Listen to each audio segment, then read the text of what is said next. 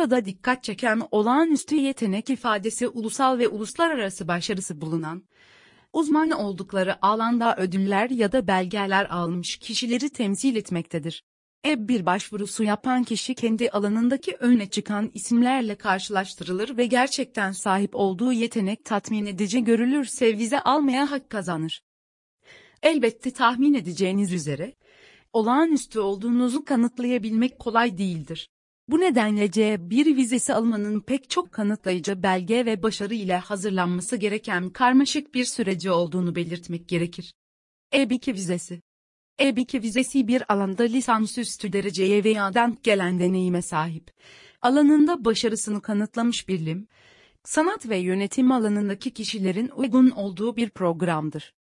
E2 vizesinin dikkat çeken taraflarından birisi, eğer sahip olduğunuz uzmanlık Amerika Birleşik Devletleri için büyük bir değer olarak görülüyorsa iş sertifikası, Labor Certification sürecini atlayarak ulusal çıkar faydasına, doğrudan yeşil kart alabilirsiniz. E-Bikini vizesi alabilmek için yürütmekte olduğunuz çalışmaların ülkenin ulusal ekonomisine, teknolojisine, kültürüne ya da eğitimsel çıkarlarına büyük bir katkıda bulunması gerekir. E1 vizesine benzer olarak E2 vizesi almak da çok fazla gerekliliği yerine getirmeniz ve kanıtlar sunmanız gereken bir süreçtir. Niteliksiz işçi olarak Amerika Yeşil Kartı almak. E3 vizesi. Yazımızın esas noktası olan E3 vizesine gelirsek, bu vize türünün lisans derecesine sahip olan ya da olmayan, nitelikli ya da niteliksiz çok geniş kapsamı olan bir vize türü olduğunu söyleyebiliriz. Üstelik E3 vizesinin gereklilikleri birinci ve ikinci kategoridekilere oranla çok daha azdır. E3 vizesinin en önemli kısımlarından birisi sponsor bulmaktır. Sponsorunuz yani potansiyel işvereninizin size teklif ettiği ücreti ödeyebileceğine dair kanıtlar sunması gerekir.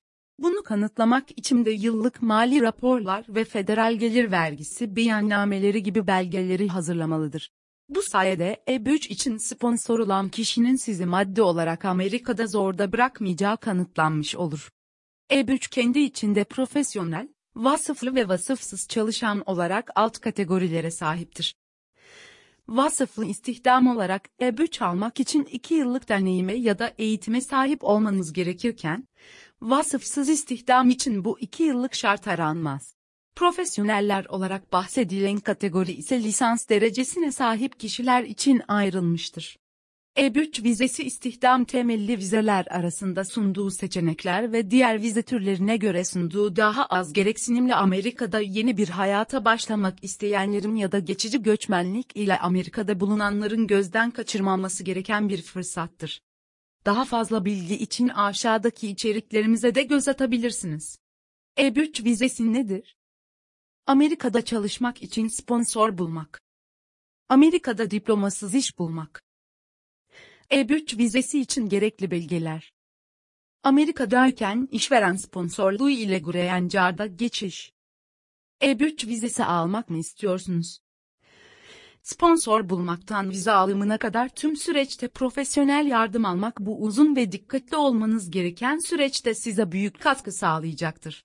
Daha fazla bilgi almak için sitemize üye olabilir, uygun iş imkanları ve süreci öğrenebilirsiniz.